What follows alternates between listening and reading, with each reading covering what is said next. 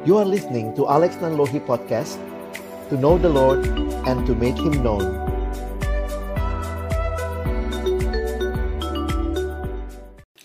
Baik, baik sebelum kita membaca merenungkan firman Tuhan, mari kita berdoa. Bapa di dalam surga kami datang dalam ucapan syukur sore hari ini. Terima kasih Tuhan memberi kesempatan kami beribadah, memuji, memuliakan namamu. Dan terima kasih Tuhan buat kesempatan yang Tuhan berikan bagi kami untuk boleh memasuki tahun ajaran yang baru. Kami sangat mempercayai bahwa semua ini adalah bukti nyata kebaikan kasih Tuhan yang Engkau nyatakan bagi setiap kami. Kembali kami akan membuka firman-Mu. Kami mohon ya Tuhan, biarlah ketika kami membuka firman-Mu, bukalah juga hati kami. Jadikanlah hati kami seperti tanah yang baik, supaya ketika benih firman Tuhan ditaburkan itu boleh sungguh-sungguh berakar, bertumbuh, dan juga berbuah nyata di dalam hidup kami. Kami percaya bahwa firman-Mu adalah firman yang kudus dan yang menguduskan hidup kami.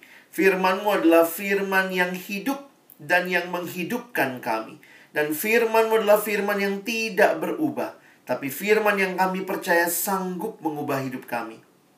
Itulah yang kami rindukan menjadi bagian dari setiap kami yang hadir pada saat ini. Berkati seluruh perangkat yang kami pakai, jaringan yang ada, agar kiranya semuanya tidak menghalangi pemberitaan firman disampaikan. Di dalam nama Tuhan Yesus Sang Firman yang hidup, kami menyerahkan pemberitaan firman-Mu. Amin. Shalom teman-teman, selamat sore, selamat bertemu. Saya bersyukur kepada Tuhan kesempatan seperti ini Tuhan berikan buat kita untuk bersama-sama bersekutu, memuji Tuhan. Ini persekutuan perdana katanya begitu ya.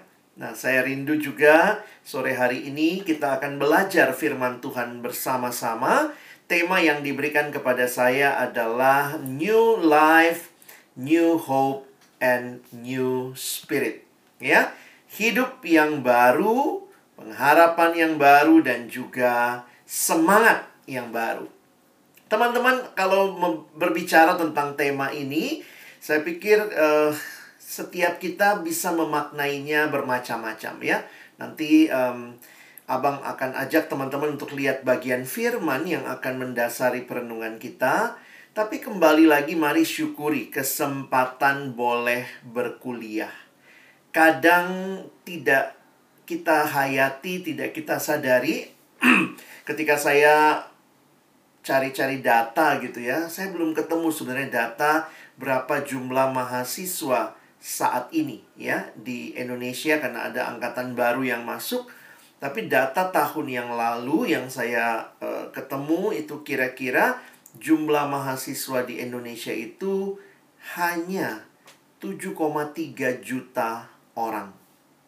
Teman-teman, saya nggak tahu apakah tahun ini naik atau menurun 7,3 itu dibandingkan penduduk Indonesia yang jumlahnya kurang lebih 200-an juta, ya 220 mungkin, maka sebenarnya kesempatan berkuliah di bangsa ini itu benar-benar sebuah privilege.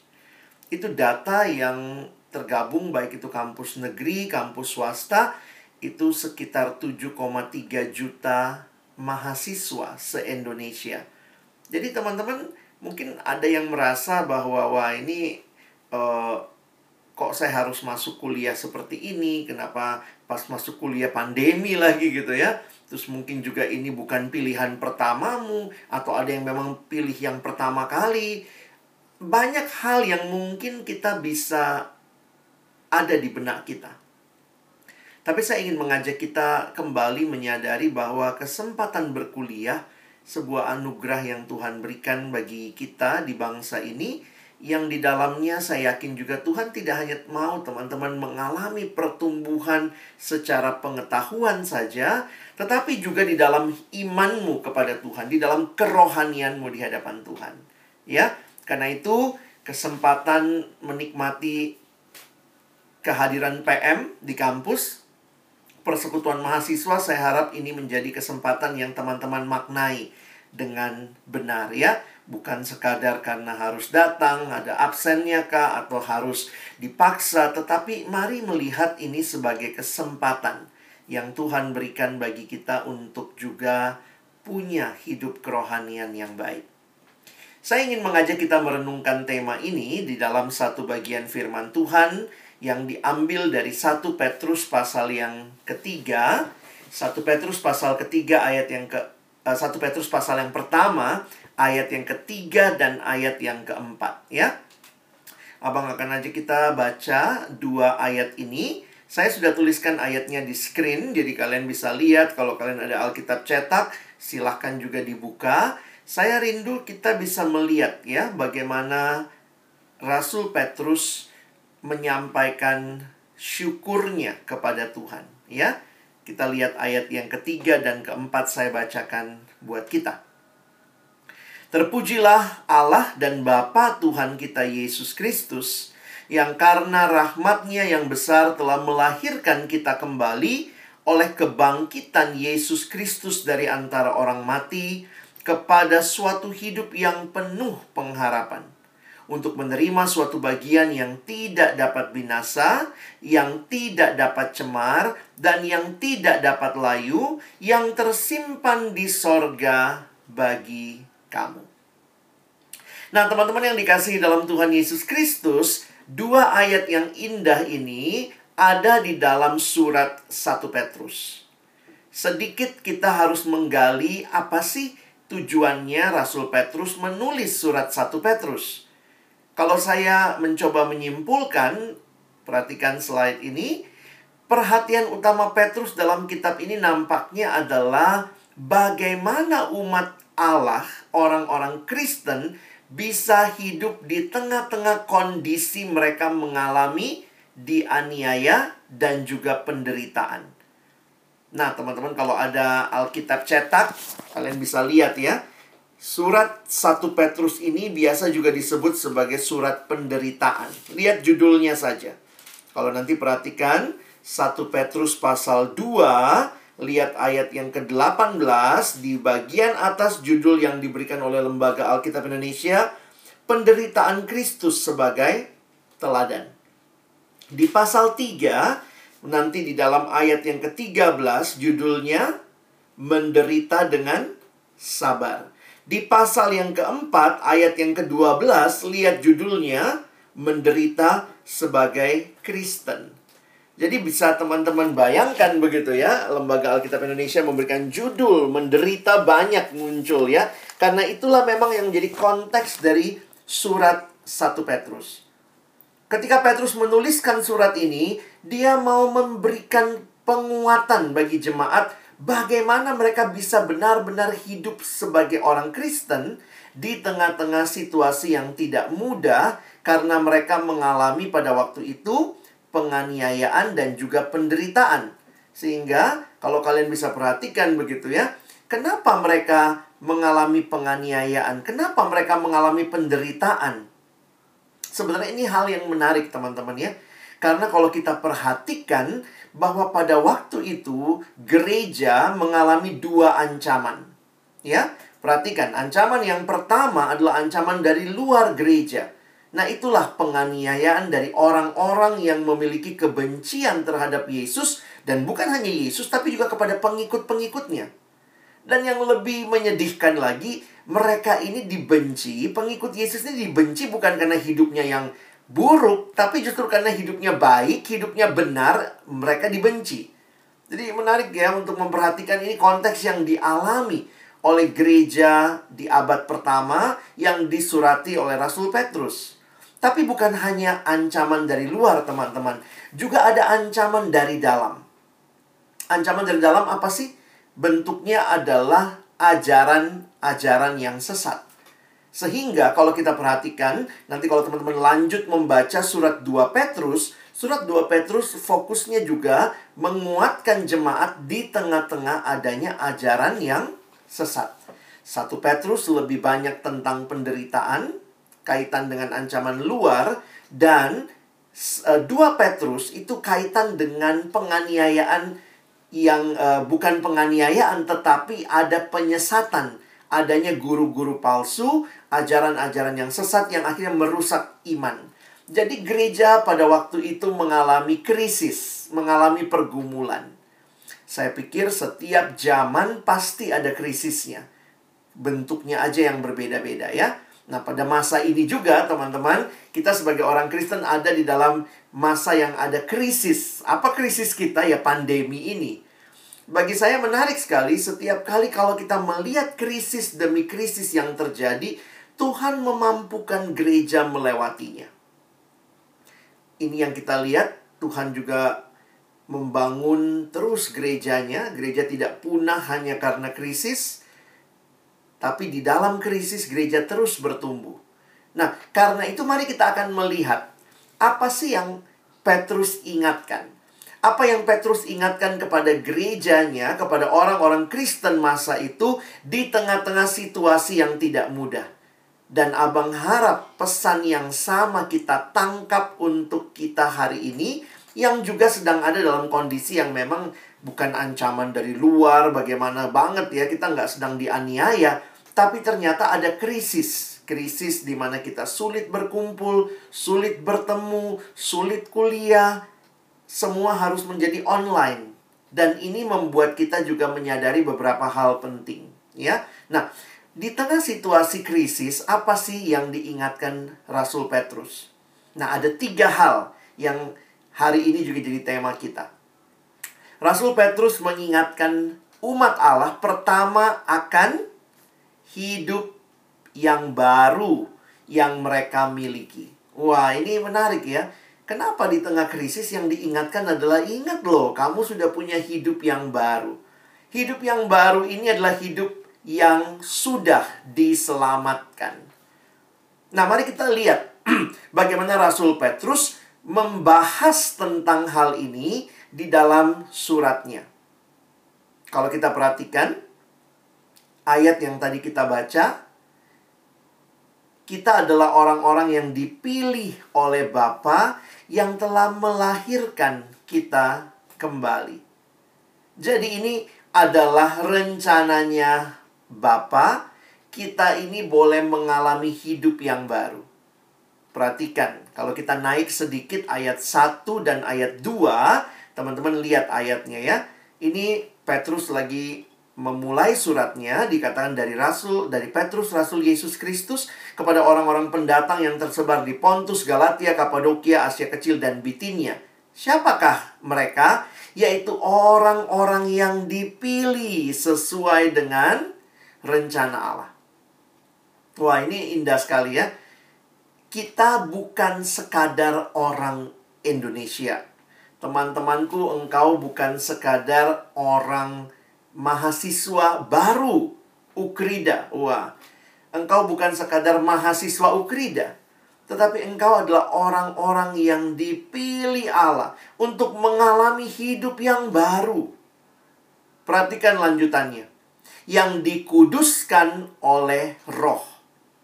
Bapa berencana dan di dalam rencana Allah ini perhatikan Dikuduskan itu sama dengan dikhususkan atau istilah dalam bahasa Inggris dipakai set apart.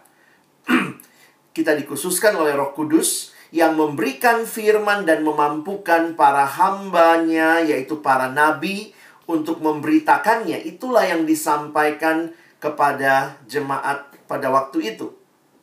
Itu yang ditulis di ayat 10. Jadi nanti kalau kalian baca lagi ke bawahnya, Keselamatan itulah yang diselidiki dan diteliti oleh nabi-nabi yang telah bernubuat tentang kasih karunia yang diuntukkan bagimu. Perhatikan lebih jauh lagi ayat 11. Dan mereka meneliti saat yang mana dan yang bagaimana yang dimaksudkan oleh Roh Kudus yang dalam yang ada di dalam mereka yaitu roh yang sebelumnya memberi kesaksian tentang segala penderitaan yang akan menimpa Kristus dan tentang segala kemuliaan yang menyusul sesudah itu.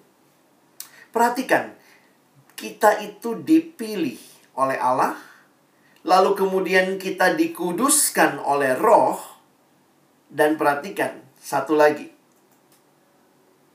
Ya, Kepada mereka telah dinyatakan bahwa mereka bukan melayani diri mereka sendiri, tetapi melayani kamu dengan segala sesuatu yang telah diberitakan sekarang kepada kamu dengan perantaran mereka yang oleh Roh Kudus yang diutus dari sorga menyampaikan berita Injil kepada kamu, yaitu hal-hal yang ingin diketahui oleh malaikat-malaikat.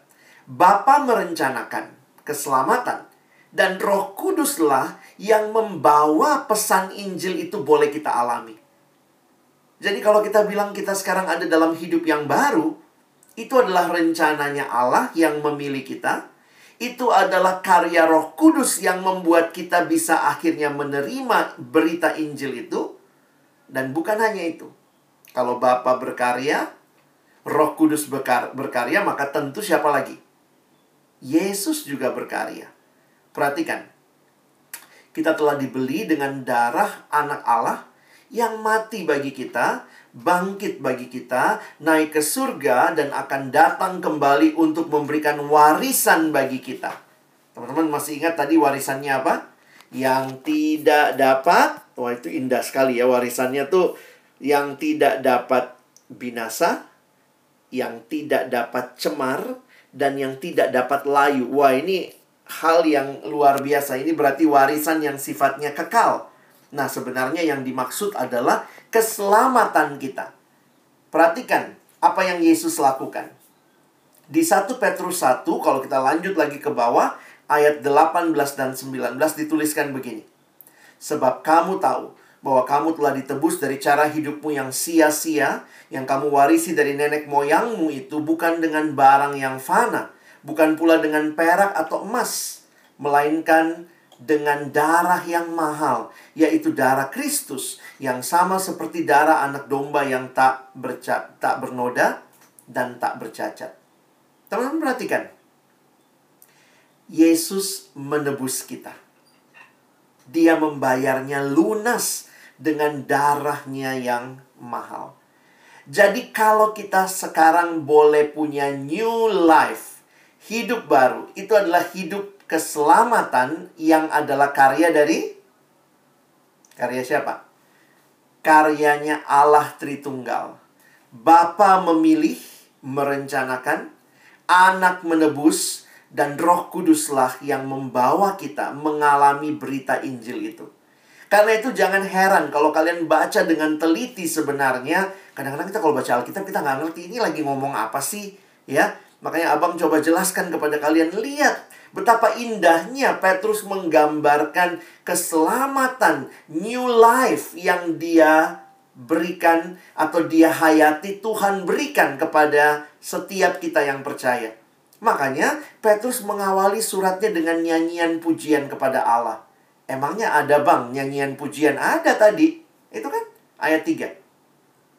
Terpujilah Allah dan Bapa Tuhan kita Yesus Kristus Petrus memulai dengan pujian kepada Allah.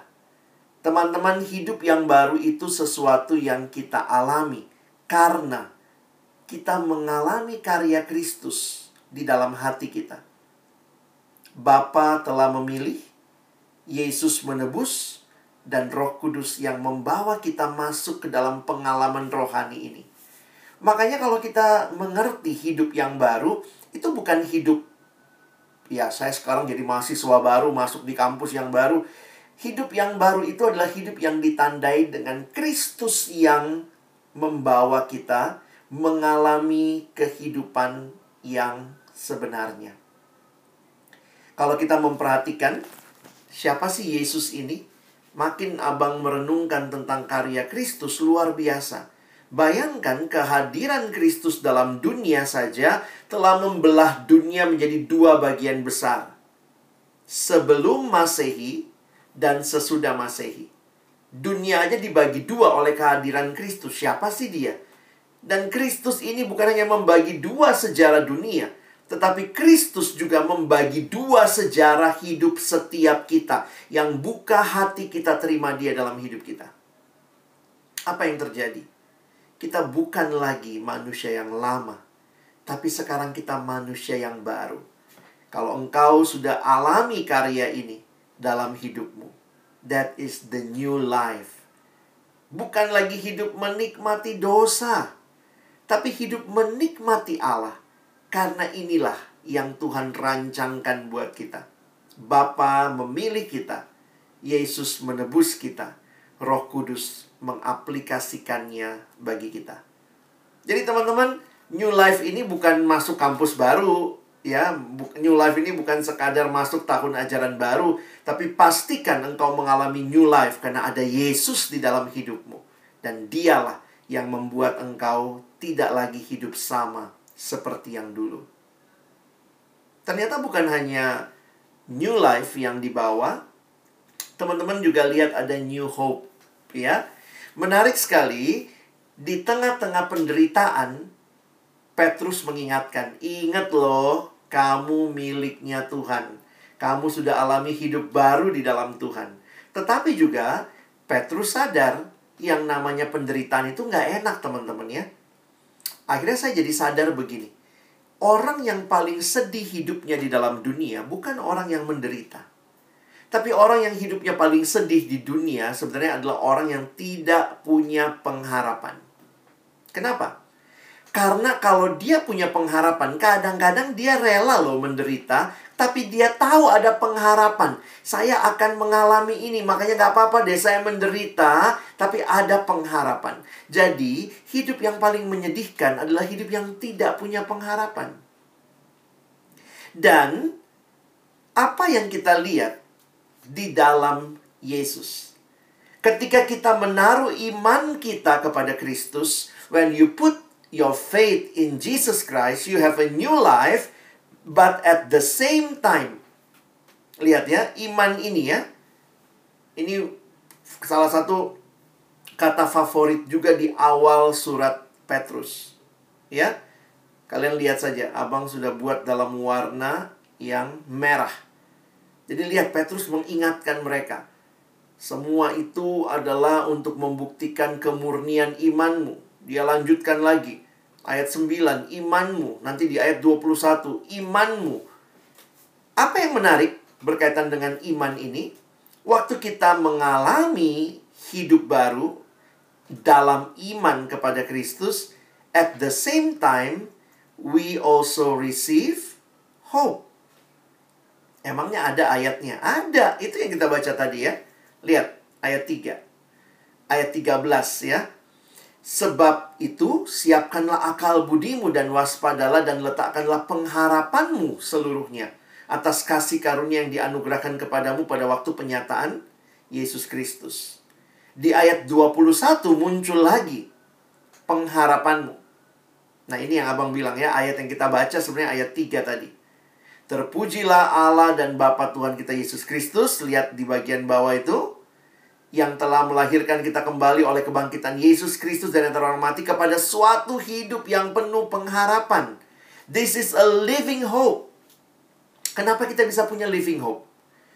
Teman-teman lihat, living hope itu dibawa oleh Yesus yang bangkit. Perhatikan kalimatnya di ayat 3 itu. Oleh kebangkitan Kristus dari antara orang mati membawa kita kepada suatu hidup yang penuh pengharapan. Bagaimana penulis-penulis perjanjian baru mengerti pengharapan? Siklus hidup manusia adalah lahir, hidup, mati. Itu siklus rutinnya. Manusia lahir, hidup, mati. Dan ketika Kristus datang ke dalam dunia dan dia membawa kehidupan yang baru. Apa yang terjadi? Ketika Yesus mati, dia tidak tinggal mati, tapi dia bangkit karena itu ketika Yesus bangkit ini memberikan pengharapan bahwa ternyata kematian bukanlah akhir dari segalanya. Kalau orang mengertinya cuman lahir, hidup, mati. Lahir, hidup, mati. Maka Kristus membawa kebangkitan. Lahir, hidup, mati, bangkit. Karena itu kalau kita mem memiliki iman kepada Yesus, kita punya pengharapan. Karena Yesus yang kita ikuti, Yesus yang membawa hal yang mustahil bagi manusia menjadi hal yang mungkin karena dia sudah bangkit. Makanya kita biasa menyanyikan, sebab dia hidup ada hari esok. Sebab dia hidup, aku tidak gentar. Karena aku tahu dia pegang hari esok. Dunia berkata, no, akhirnya sampai mati selesai. Tapi tidak kita punya pengharapan. Makanya kalau kalian mengalami kesulitan, pergumulan hidup, jangan takut. Kita punya pengharapan dalam Kristus. Kalau kamu beriman kepada Kristus, jangan jadi seperti remaja pemuda sekarang yang kalau ada apa-apa mentok dikit, aduh bunuh diri. Sedih banget hidup kayak gitu ya. Gak punya pengharapan. Kuliah stres dikit, udah deh. Cari hal-hal yang gak benar ada pergumulan di rumah, orang tua langsung down. Kadang saya pikir Tuhan tolong ya. Kalau saya mengalami karya Kristus, maka sebenarnya Tuhan membawa saya mengalami sebuah pengharapan. Beberapa kali saya juga kecewa dengan kehidupan, ada hal-hal yang tidak seperti yang saya harapkan. Tapi kemudian yang terjadi adalah Tuhan memberikan kepada saya pengharapan bahwa ini bukan seperti yang kamu mau, tapi seperti yang aku mau. Saya ditolong untuk melihat dari perspektif yang lain. Seringkali masalahnya bahkan mungkin tidak selesai. Yang Tuhan ubah bukan masalahnya selesai. Yang Tuhan ubah adalah saya menghadapi masalah itu. Saya belajar sabar. Saya belajar berdoa. Kalau saya nggak punya pengharapan ada masalah selesai, udah mendingan bunuh diri selesai ya. Tapi ketika saya punya pengharapan, saya berdoa. Berdoa itu menunjukkan bahwa kita masih percaya ada pribadi lain yang bisa kepadanya kita datang menyerahkan pergumulan yang kita udah mentok nih. Ini gimana ini? Jadi teman-teman, new life itu disertai dengan new hope. Makanya pastikan dalam hatimu kau sudah terima Yesus dalam hidupmu dan Yesus yang bangkit itu membawamu kepada pengharapan yang hidup. A living hope. Ada kalimat yang indah mengatakan, We have a living hope because we have a living Savior. Kita punya pengharapan yang hidup karena juru selamat yang kita ikuti, dia juru selamat yang hidup. Yesusmu bukan Yesus yang mati di kuburan. Semua pendiri agama, kuburnya masih ada. Dan ada jasadnya atau tulangnya ada di dalam kubur itu. Hanya Yesus yang kuburnya kosong. Tapi kalimat yang indah mengatakan, semua pendiri agama kuburnya terisi, karena itu hati pengikutnya kosong. Tapi Yesus kuburnya kosong, karena itu hati kita para pengikutnya terisi. We have a living Savior, so we have a living hope. Teman-teman ini bukan sugesti ya, apa motivasi, tapi ini adalah pengalaman rohani. You want to have hope, you need to have the Savior in your heart. Pastikan apakah engkau juga mengalami pengharapan yang indah ini. Kalau bicara new life itu bicara apa yang Tuhan lakukan bagi keselamatan kita. Salah satu cara gampang mengingatnya, that is about something in the past. Saya sudah terima Yesus. Saya sudah, saya telah. Nah, itu in the past. New life is something happen in the past when you open your heart for Jesus. Pengharapan itu bicara future, ya. Kalau yang new life bicara past, new hope bicara future. Nah, yang ketiga, we have a new Spirit. Nah, ini yang kita butuhkan sekarang. Kekuatan untuk menjalani hidup hari demi hari. Keselamatan kita pasti dijamin oleh Kristus. Pengharapan kita pun pasti. Tapi hidup di tengah-tengah antara keselamatan yang pasti dan pengharapan yang pasti, kita diberikan kekuatan menjalani kehidupan. Dan ini yang indah yang kita bisa lihat di dalam surat 1 Petrus. Abang angkat tiga saja ya. Ada tiga highlight The New Spirit. Bagaimana kita menghidupi hidup yang baru itu sekarang. Bagaimana perwujudannya ya. Nah saya ajak kita lihat yang pertama. Miliki kasih kepada Kristus dan kepada saudara seiman. Jadi kalau kita sudah diselamatkan, kita punya pengharapan. Nah, coba lihat ayat 8 ya. Sebenarnya ini semua di ayat-ayat yang kita baca tadi. Sekalipun kamu belum pernah melihat dia, namun kamu mengasihinya. Wah, ini menarik sekali Petrus bilang gitu ya. Kamu kan belum pernah lihat Yesus langsung, tapi kamu mengasihinya. Kamu percaya kepada dia sekalipun kamu sekarang tidak melihatnya. Kamu bergembira karena sukacita yang mulia dan tidak terkatakan. Mengasihi Tuhan. Harusnya itu ciri hidup kita sekarang. Ya, a new spirit. Tapi bukan cuma itu karena kasih kepada Tuhan harusnya nyata dalam kasih kepada sesama. Lihat ayat 22. Karena kamu telah menyucikan dirimu oleh ketaatan kepada kebenaran sehingga kamu dapat mengamalkan kasih persaudaraan yang tulus ikhlas. Hendaklah kamu bersungguh-sungguh saling mengasihi dengan segenap hatimu. Teman-teman, saya menantang kita. Memang kita belum ketemu langsung, mungkin kita masih lewat virtual, tapi apakah kita bisa mewujudkan kasih itu? Kita bisa saling mendoakan, kita bisa saling menguatkan. Yang senior perhatikan yang junior, yang junior juga belajar membuka diri, saling membangun, saling mendoakan, saling mengisi. Saya melihat inilah panggilan kita. A new spirit to love God and to love others. Ya, itu yang dipesankan di dalam surat 1 Petrus. Bagi saya menarik ya, di tengah-tengah penderitaan memang kita sangat butuh kasih juga ya satu sama lain. Tidak semua kita sebenarnya melewati ini dengan biasa-biasa saja ya. Ada beberapa teman yang saya diskusi lalu kemudian dia bilang iya bang gue udah mulai bosen ada yang sampai yang depresi ada yang sampai kesulitan. Dan saya pikir di situlah kita membuktikan kasih ya yang kuat menanggung yang lemah. Itu bukan cuma lagu. Yang kuat menanggung yang lemah. Nyatakan buktikan itu. New spirit mendorong kita untuk mengasihi satu sama lain. Yang kedua, New Spirit mendorong kita untuk hidup berkemenangan dalam peperangan rohani. Wah, ini teman-teman menarik untuk kita perhatikan lihat gambarnya ya. Itu siapa sih ya? Nah, kalau kalian perhatikan, ini ayat yang muncul di 1 Petrus 5 ayat 8 dan 9.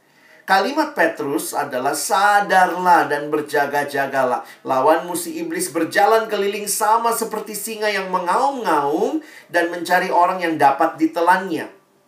Lawanlah dia dengan iman yang teguh, sebab kamu tahu bahwa semua saudaramu di seluruh dunia menanggung penderitaan yang sama.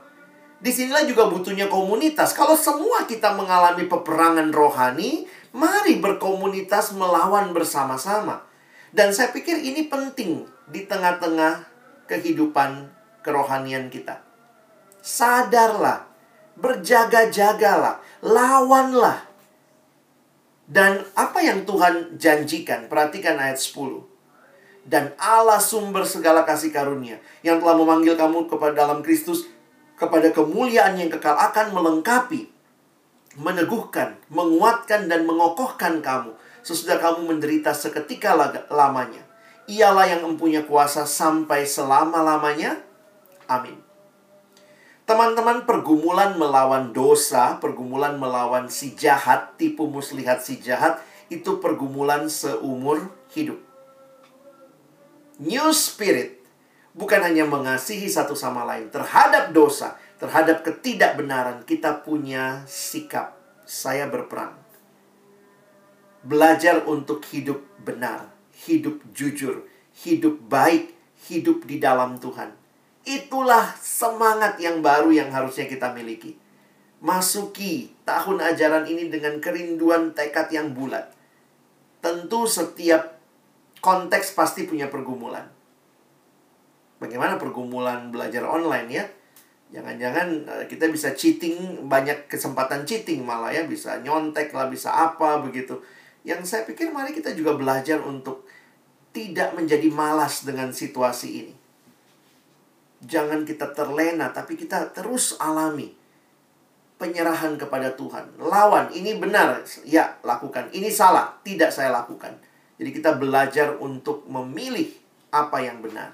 Dan Tuhan janji akan meneguhkan kita, akan menguatkan kita, akan mengokohkan kita. We have the new spirit to love one another we have a new spirit to face evil and also we have a new spirit untuk apa?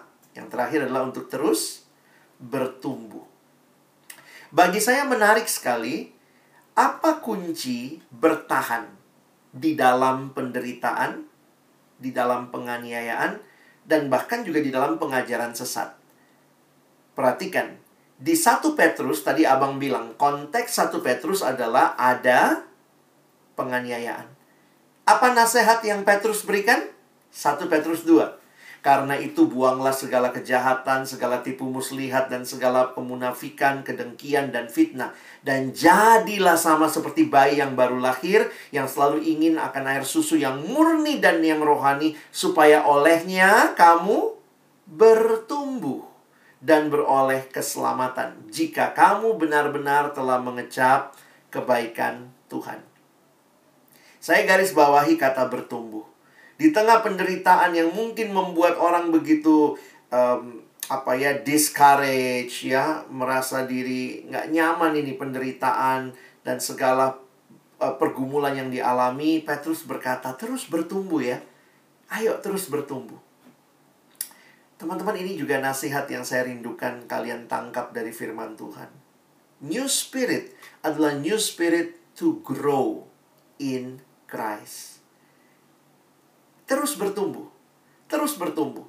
Ketika ada pengajaran sesat, dua Petrus. Dua Petrus itu pergumulannya pengajaran sesat dan tetap masih ada penderitaan juga. Apa nasihat Petrus? Dua Petrus itu cuma tiga pasal. Nanti kalian cek ya. Dua Petrus itu cuma tiga pasal. Menutup dua Petrus, dua Petrus pasal tiga ayat yang ke-18 itu ayat terakhir di surat dua Petrus. Apa nasihatnya? Tetapi bertumbuhlah dalam kasih karunia dan dalam pengenalan akan Tuhan dan Juru Selamat kita Yesus Kristus. Baginya kemuliaan sekarang dan sampai selama-lamanya. Itu penutupnya dua Petrus. Jadi kalau abang simpulkan, baik di satu Petrus maupun di dua Petrus, baik dalam penganiayaan maupun di dalam menghadapi pengajar sesat, nasihatnya sama. Terus bertumbuh. Teman-teman, we have a new spirit to grow in Christ. New spirit to love one another, new spirit to face evil, and new spirit to grow in Christ. Apakah kamu akan alami ini? Memasuki waktu-waktu yang ke depan, saya rindu kita sama-sama masuki tahun ajaran ini, kesempatan berkuliah, kesempatan ada di kampus yang baru buat teman-teman mahasiswa baru yang lama kembali masuki kesempatan belajar. Mari sama-sama kita alami tiga hal ini ya. New life. Saya sudah terima Yesus dalam hidup saya berarti I have a new life and a new life also brings a new hope. Dan a new life and a new hope help me to live out a life in new spirit saat ini. Kiranya teman-teman boleh menjawab hal ini dalam hidupmu. Apa yang menjadi kerinduanmu? Maukah engkau menempatkan Tuhan yang utama? Yang ketika dia hadir di hidupmu, kamu punya hidup baru. Ketika dia hadir di hidupmu, kamu punya pengharapan yang baru. Dan ketika dia hadir di hidupmu, kamu punya semangat menjalani hari-hari kehidupanmu. Semangat untuk mengasihi. Semangat untuk menghadapi si jahat. Bukan menyerah, tapi berperang melawan si jahat. Dan semangat untuk terus bertumbuh dalam Tuhan. Selamat menikmati tahun ajaran yang baru ini. Kesempatan berkuliah di dalam anugerah Tuhan. Amin. Mari kita berdoa.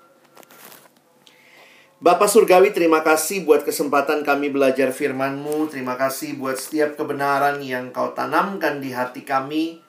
Biarlah benar-benar kami alami.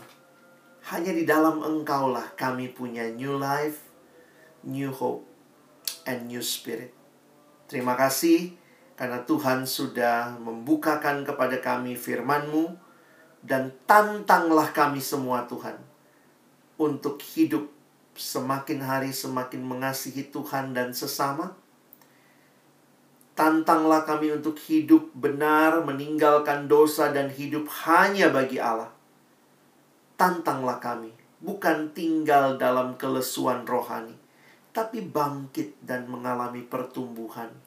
Makin kenal Tuhan, makin mengalami Tuhan dalam hidup kami. Terima kasih Tuhan. Terima kasih buat kesempatan membaca, merenungkan firman-Mu.